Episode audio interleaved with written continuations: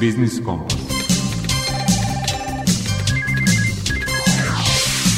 Biznis Kompas.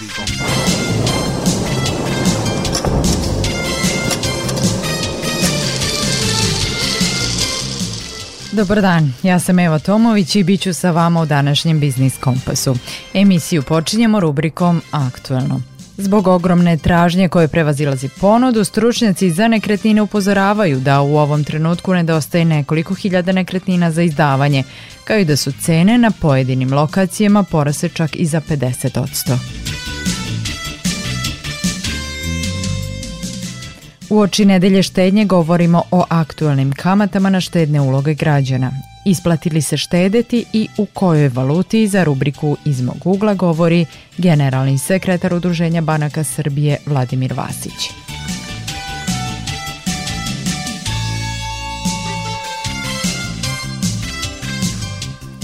U rubrici Svet preduzetništva Marija Prokopić iz Regionalne razvojne agencije Bačka govori o konkursu Pokrajinskog zavoda za ravnopravnost polova za preduzetnice.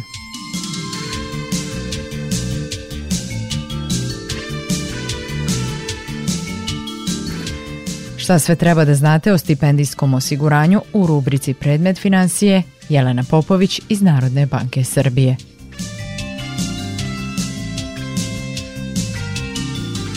Kada je moguće raskinuti ugovor sa kablovskim operatorima pre isteka ugovora bez penala? O tome Mladen Alfirović iz Udruženja za zaštitu potrošača Vojvodine.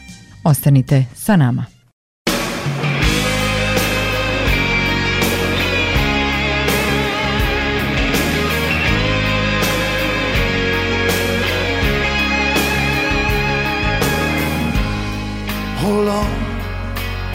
I'll be back for you, it won't be long.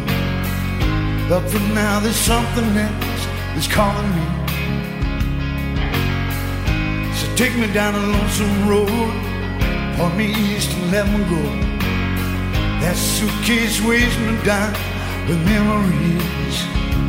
I just wanna be the one you run to. I just wanna be the one you come to. I just wanna be there with someone when the night comes. Let's put all the cares behind us and go where they'll never find us. I just wanna be there beside you when the night comes, when the night comes.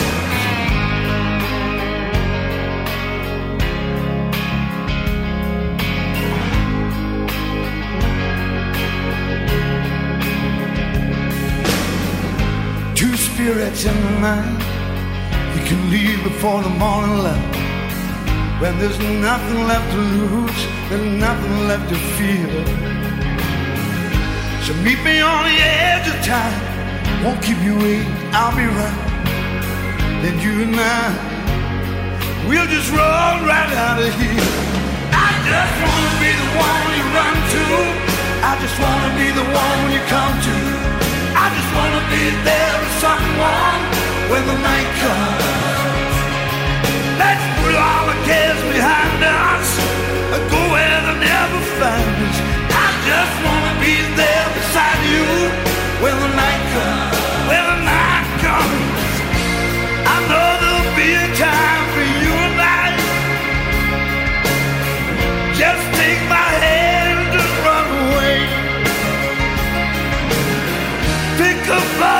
pieces from the shattered dream. We're gonna make it out someday. And we'll be coming back,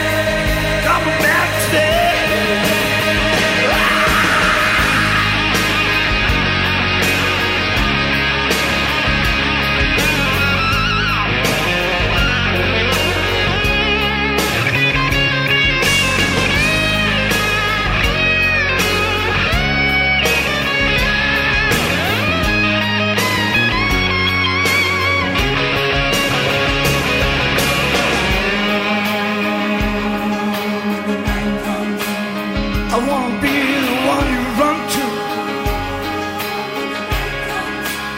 To be the one you come to. I wanna be the one you run to.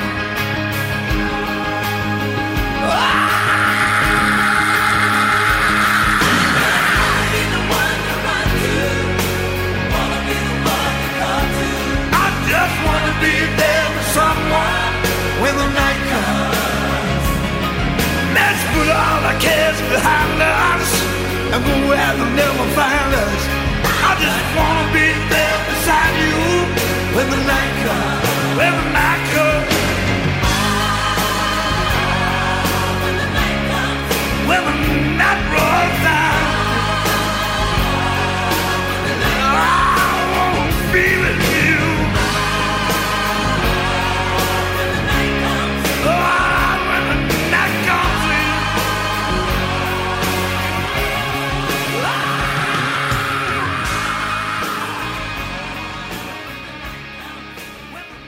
Biznis Kompas. Aktualno. Sa sve većim cenama kvadrata nekretnina u Srbiji porasla je i cena zakupa stanova, od garsonjera pa do onih većih trosobnih. U zavisnosti od opremljenosti kvadrature, najem garsonjera u Novom Sadu kreće se od 150 do 300 evra, ali kako kaže Milka Simić iz Agencije nacionalne nekretnine, na tržištu nedostaje stanova za izdavanje. Ove godine su porasle cene stanova i to drastično u odnosu na prethodne godine. To ulazi u obzir znači stanovi svih kategorija, znači svih lokacija u Novom Sadu, znači nema razlike da li je udaljenost od centra veća ili manja. Garsonjere su otišle, znači sigurno nekih 30% gore, znači 30% gore i trenutno ih nema. U Beogradu je cena izdavanja nekretnina porasla čak i do 50%. I ta se drastična promena dogodila početkom rata u Ukrajini, objašnjava predsjednik upravnog odbora klaster nekretnine Nenad Đorđević. veliki broj građana Ruske federacije koji je došao ovde da živi i radi je početi iznajmljuje stanovi daleko poveću potražnju i cene rente su porasle i- do 50%. Sad imamo situaciju da imamo jako malu ponudu, veliku potražnju i vidjet ćemo dok će to da traja. Sada sa ovim rastom cene izdavanja došli smo na to da nam se kapitalizacija dovodi na nivo razvijenih zemalja, ali da sa druge strane neke kategorije stanovništva koji iznajmljuju stanove koje su da kažemo naši građani imaju problem sa plaćanjem tih e, cena rente i ako se taj trend nastavi u nekih narednih pola godine, godinu, imat ćemo određeni socijalni problem koji će država morati da rešava sa nekim programom socijalnog stanovanja kao što to većina razvijenih zemalja radi. Početkom sukoba u Ukrajini dodatno je pojačan trend i kupo prodaje stanova, dodaje Đorđević. rat u Ukrajini uticao dodatno da cene kupoprodaje porastu zbog toga što ljudi žele da investiraju svoja sredstva, ono što smatraju da je najsigurnije u zemlji, a to je tržište nekretnina, pošto kod nas, za razliku od drugih zemalja,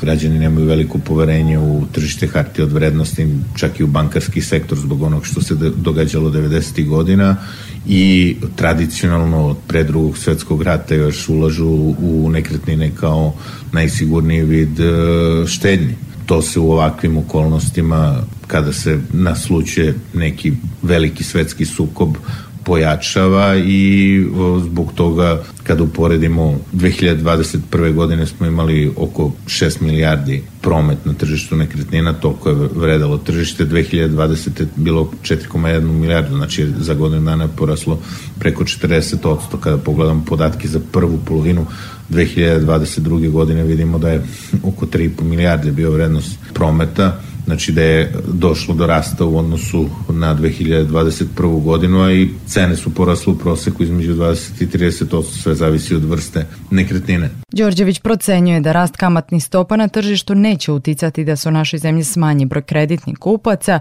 ističući da je tek 14% transakcija finansirano kreditom za kupovinu nekretnina. 14% ukupnog broja transakcija finansiranih stambenim kreditom za kupovinu nekretnina je mali broj u odnosu na veličinu celog tržišta i pad tražnje sa te strane se nadomešćuje rastom tražnje doznaka iz inostranstva. Dosta naših građana i stranaca, čak stranih državljana kupuje nekretnine kod nas. Osim doznaka, Đorđević kaže da je dosta ljudi nekretninu kupovalo novcem i štednje, na šta je kako dodaju u velikoj meri uticala i psihoza izazvana ratom u Ukrajini i strahom od toga šta će biti sa bankarskim sistemom, ne samo u Srbiji, nego u svetu. Uprkos tome što su nekretnine cene sve skuplje, stručnjaci ne očekuju pa tražnje.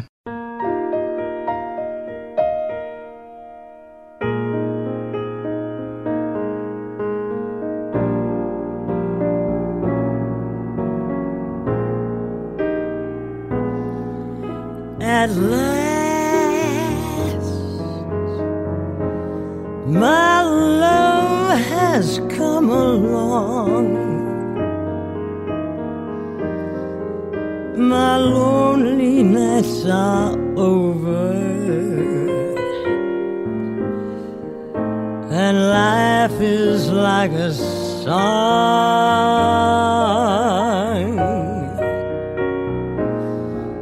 that lasts.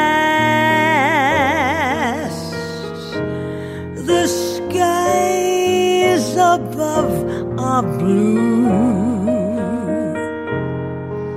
My heart is wrapped in clover.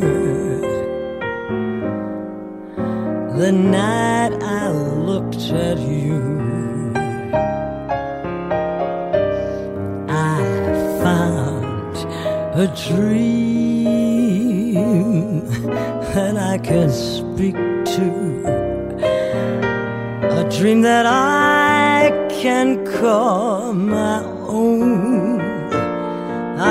found a thrill to press my cheek to.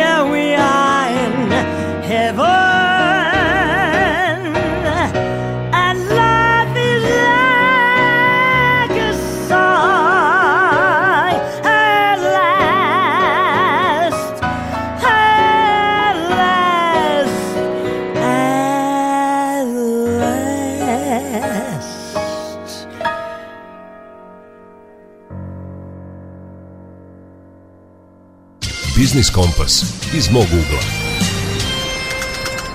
Štedeti, trošiti ili ulagati. Dilema je velika, a izazov još veći, jer su podizanjem osnovnih kamata počele da rastu i kamate na štedne uloge.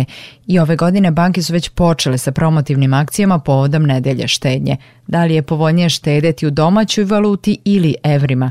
O tome govori generalni sekretar Udruženja banaka Srbije Vladimir Vasić. Evo što se tiče štednje poslednjih uh, sigurno deseta godina rast štednje je zabeležen, to je recimo u dinarima je to je 400, skoro 400 odsto s jedne strane, s druge strane rast štednje u evrima je oko 35 odsto, Sad se često postavlja pitanje zašto smo mi, zašto smo toliko štedili u dinarima, ima više razloga, jedan je svakako bolja ekonomska situacija koja je poslednjih nekoliko deseta godina bila prisutna, što znači kad imate veće prosječne plate, onda ti imate mogućnost da više izdvajate za, za štednju. To je sigurno jedan moment, drugi moment jeste i taj što je uh, dinar stabilan, tako da kurs je stabilan, dinar je stabilan i kao valuta uh, poželjna za štednju, e, mi primamo platu u dinarima, pa je onda nekako prirodno da odvojimo deo novca štednje u, u, u dinarima.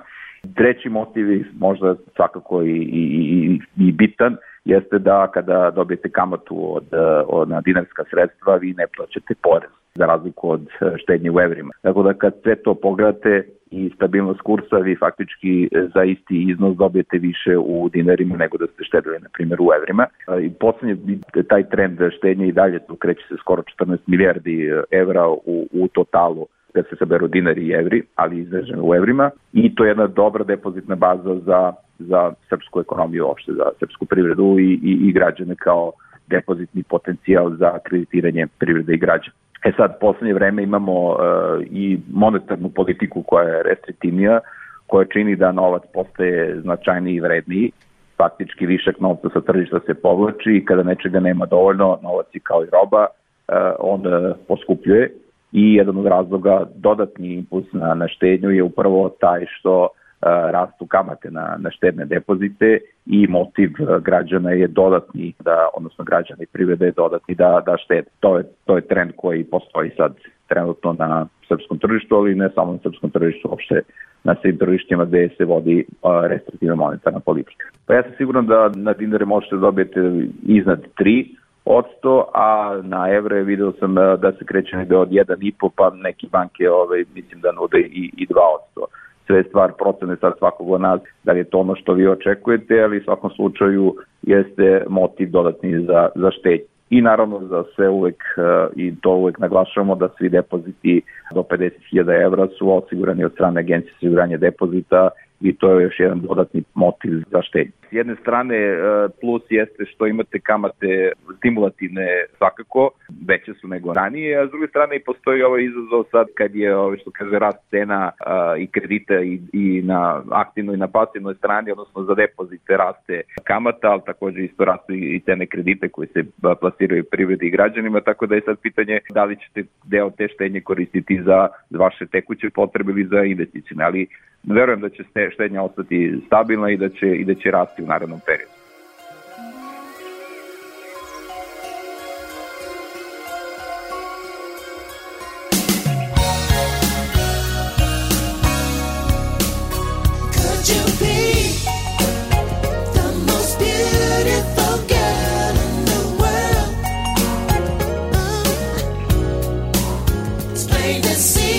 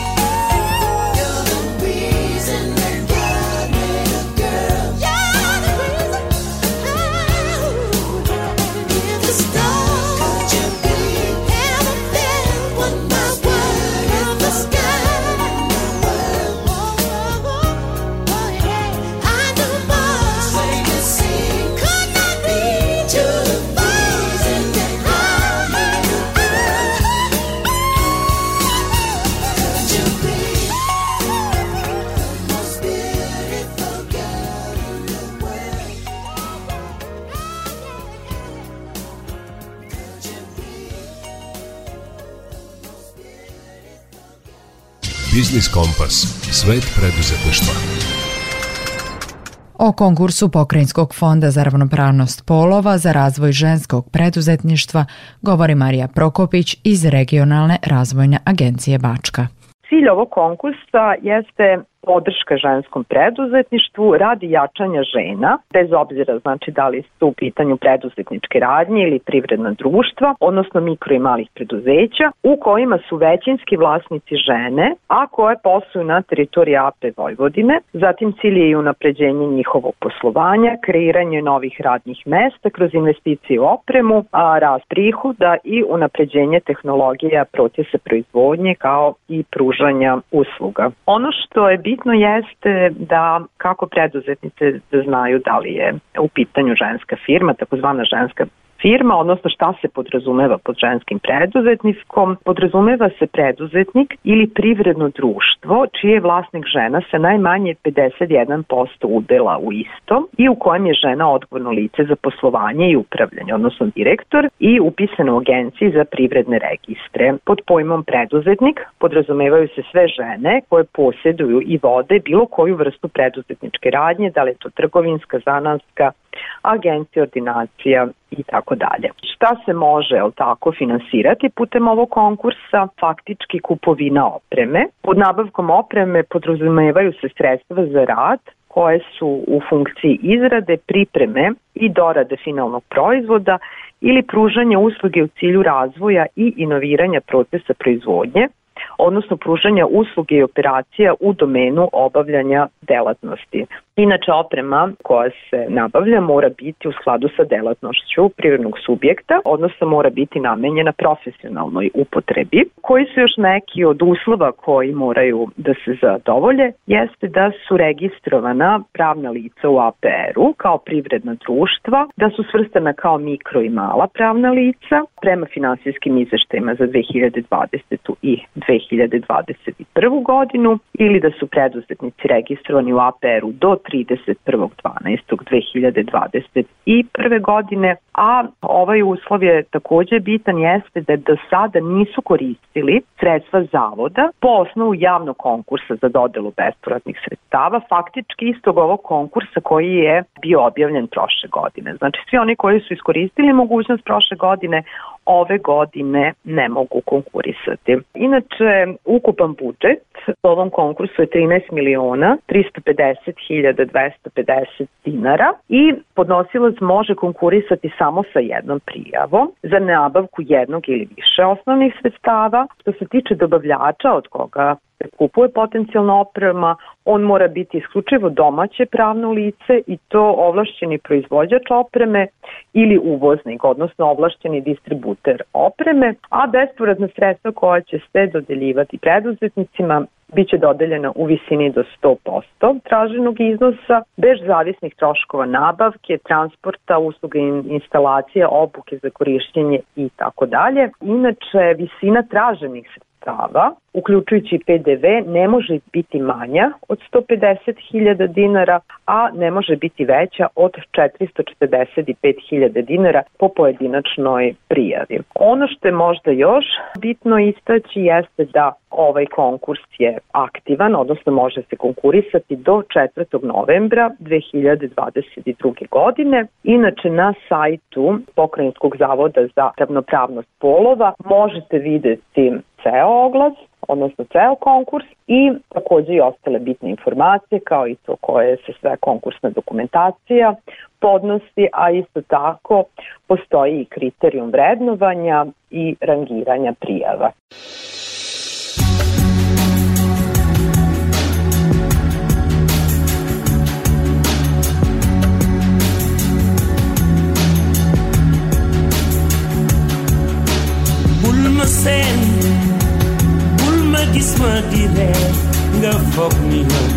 Xamuma li nekk ci sama suuf ak bëgguma xool dal yow li nekk si yow moo si man li si man mooy di leen jàppale.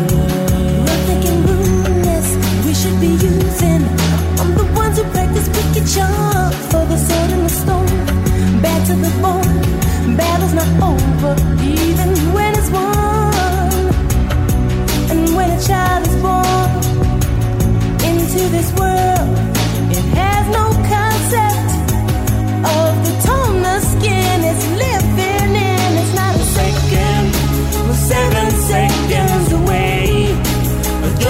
long as I stay,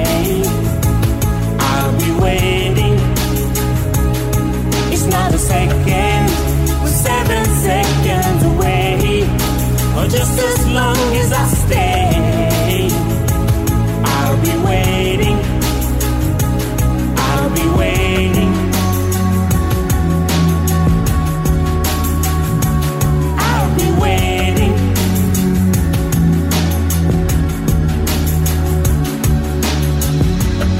J'assume les raisons qui nous poussent de changer tout. J'aimerais qu'on oublie le couleur pour qu'ils espèrent. Beaucoup de sentiments, de race qu'il faut qu'ils désespèrent. Je veux les gamins ouverts, des amis pour parler de leur peine, de leur joie pour qu'ils le vivent. Des infos qui ne divisent pas. Changer. Seven seconds away. Just as long as I stay, I'll be waiting. It's not a second, seven seconds away. Or just as long as I stay, I'll be waiting. I'll be waiting.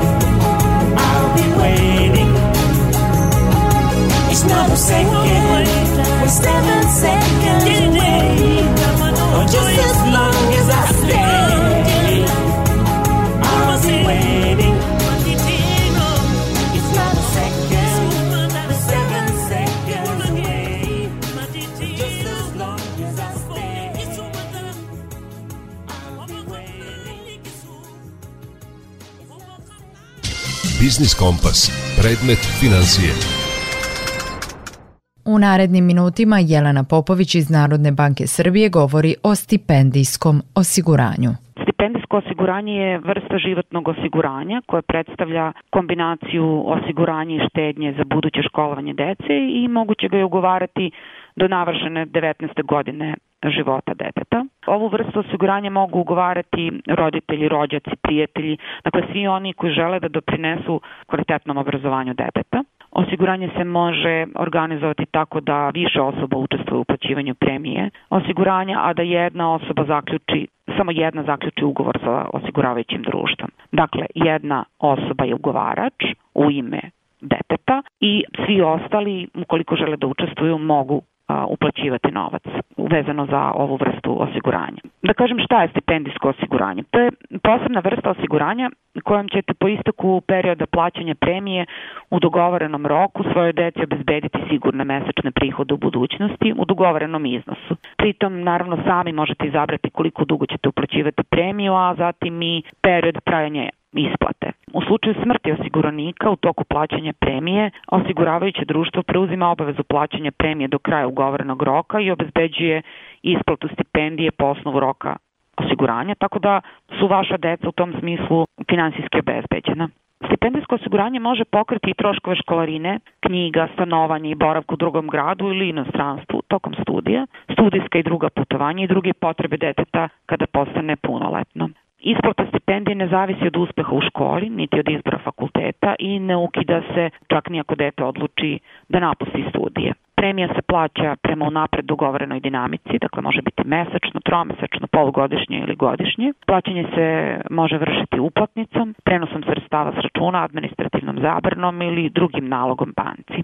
Naš je savet da se uvek raspitate koja osiguravajuća društva nude ovu vrstu osiguranja i naročito pod kojim uslovima. Takođe, uvek sugerišemo da uh, uporedite uslove, a potom da berete ponudu koja najviše odgovara vašim potrebama, odnosno potrebama deteta za koje uplaćujete ovu vrstu osiguranja. I naravno najvažnije, pre nego što potpišete ugovor, obavezno pitajte sve što ne razumete. Važno je da znate koja su vaša prava, ali naravno i obaveze prava i obaveze proističu iz ugovora koji zaključujete sa osiguravajućim društvom. Još jedna stvar na koju posebno ukazujemo, uskrećemo pažnju jeste da se obavezno pročitaju uslovi, dakle postoje opšti i posebni uslovi osiguranja, tako da obratite pažnju na odredbe tih uslova kako biste znali koja su vaša prava, ali i obaveze.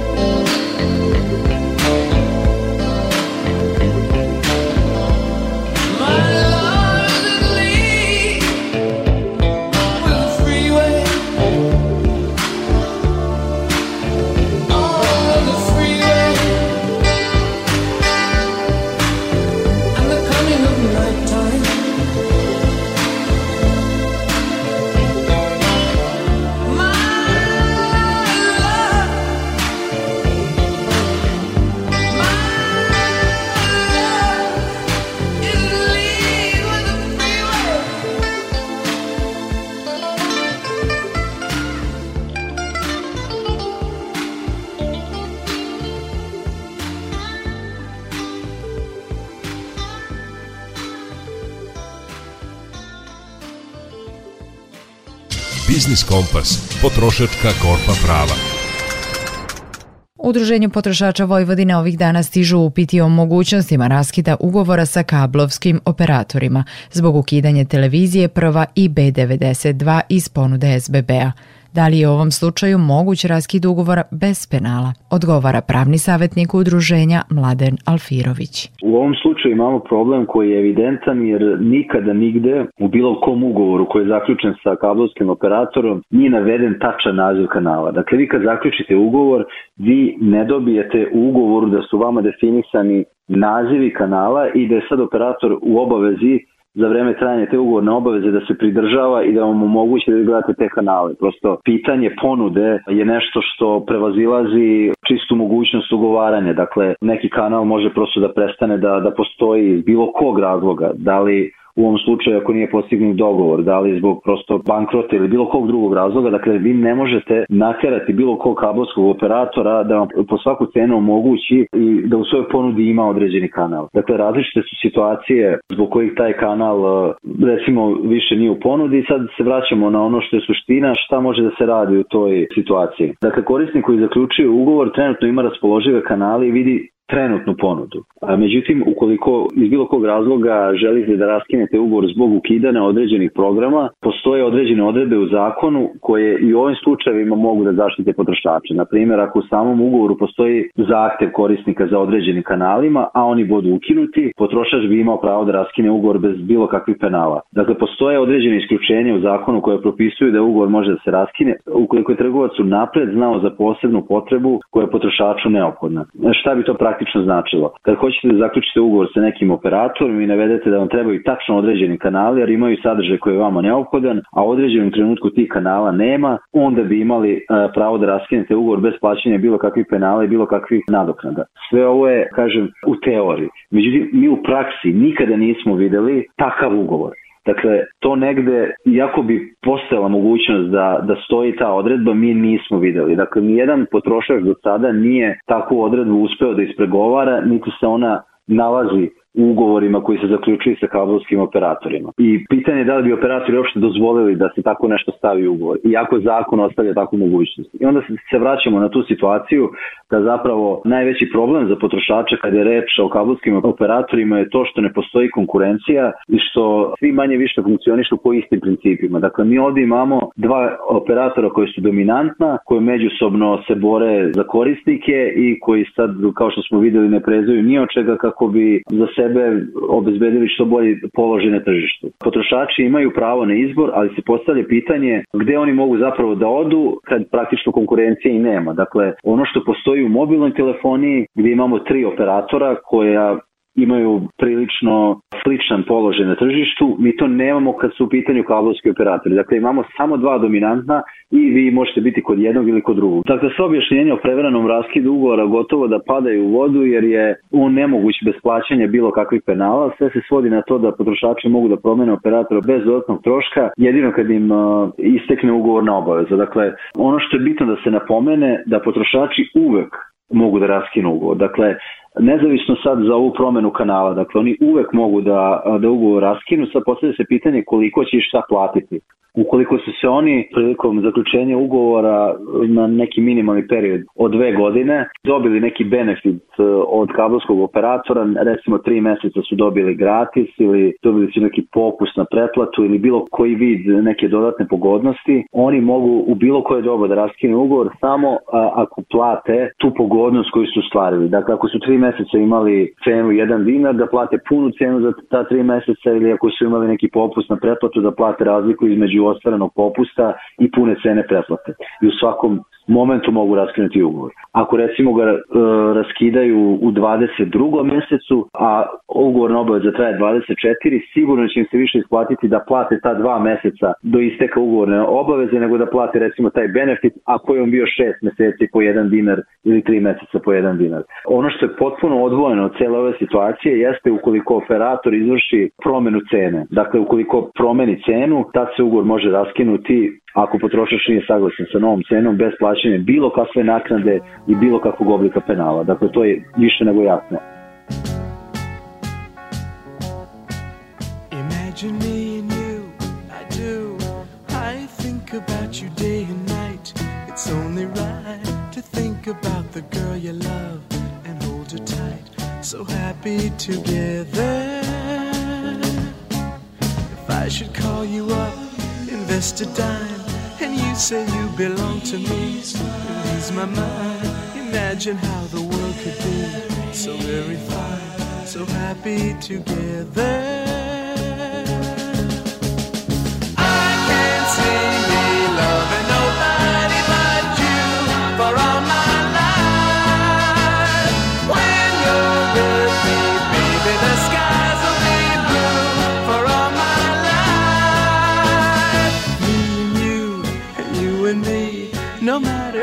How they toss the dice, it had to be. The only one for me is you, and you for me, so happy together.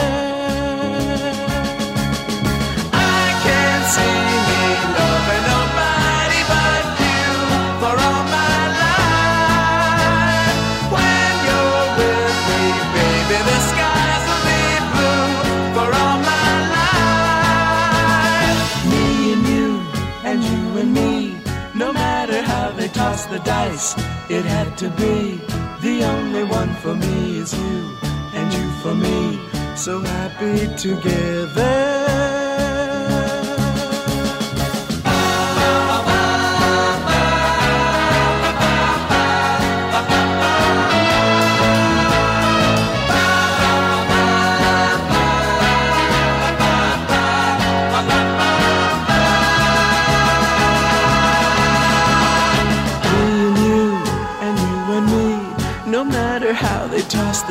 Dice, it had to be. The only one for me is you, and you for me. So happy together. So happy together.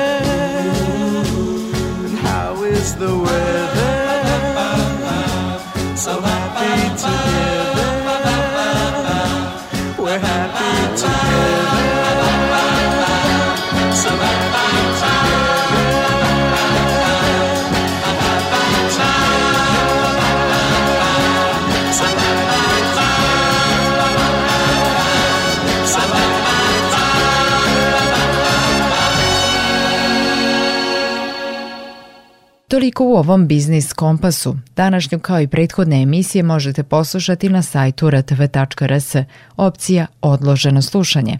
U realizaciji emisije učestvovali su muzički urednik Zoran Gajinov, tonmajstor Milan Granić, lektorka Branka Zarifović. Emisiju pripremila, uređivala i vodila Eva Tomović. Slušajte nas i narednog utorka. Do tada pozdravlja vas ekipa Biznis Kompasa.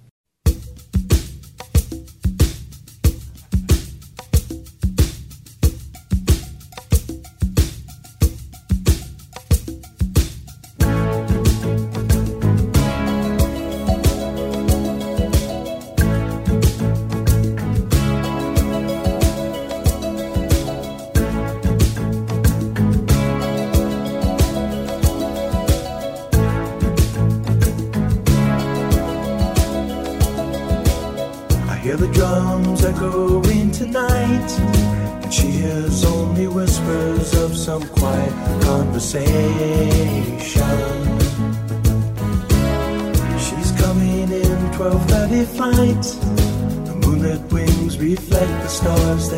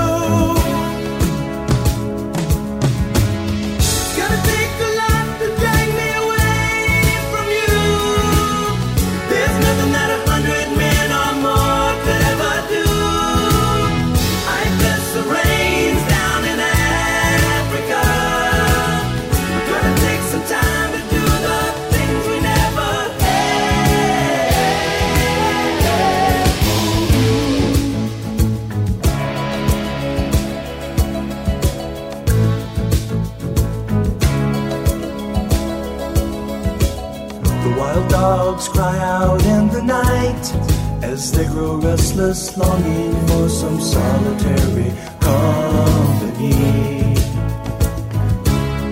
I know that I must do what's right, sure as Kilimanjaro rises like Olympus above the Serengeti. I seek to cure what's deep inside, frightened of this thing that I've become.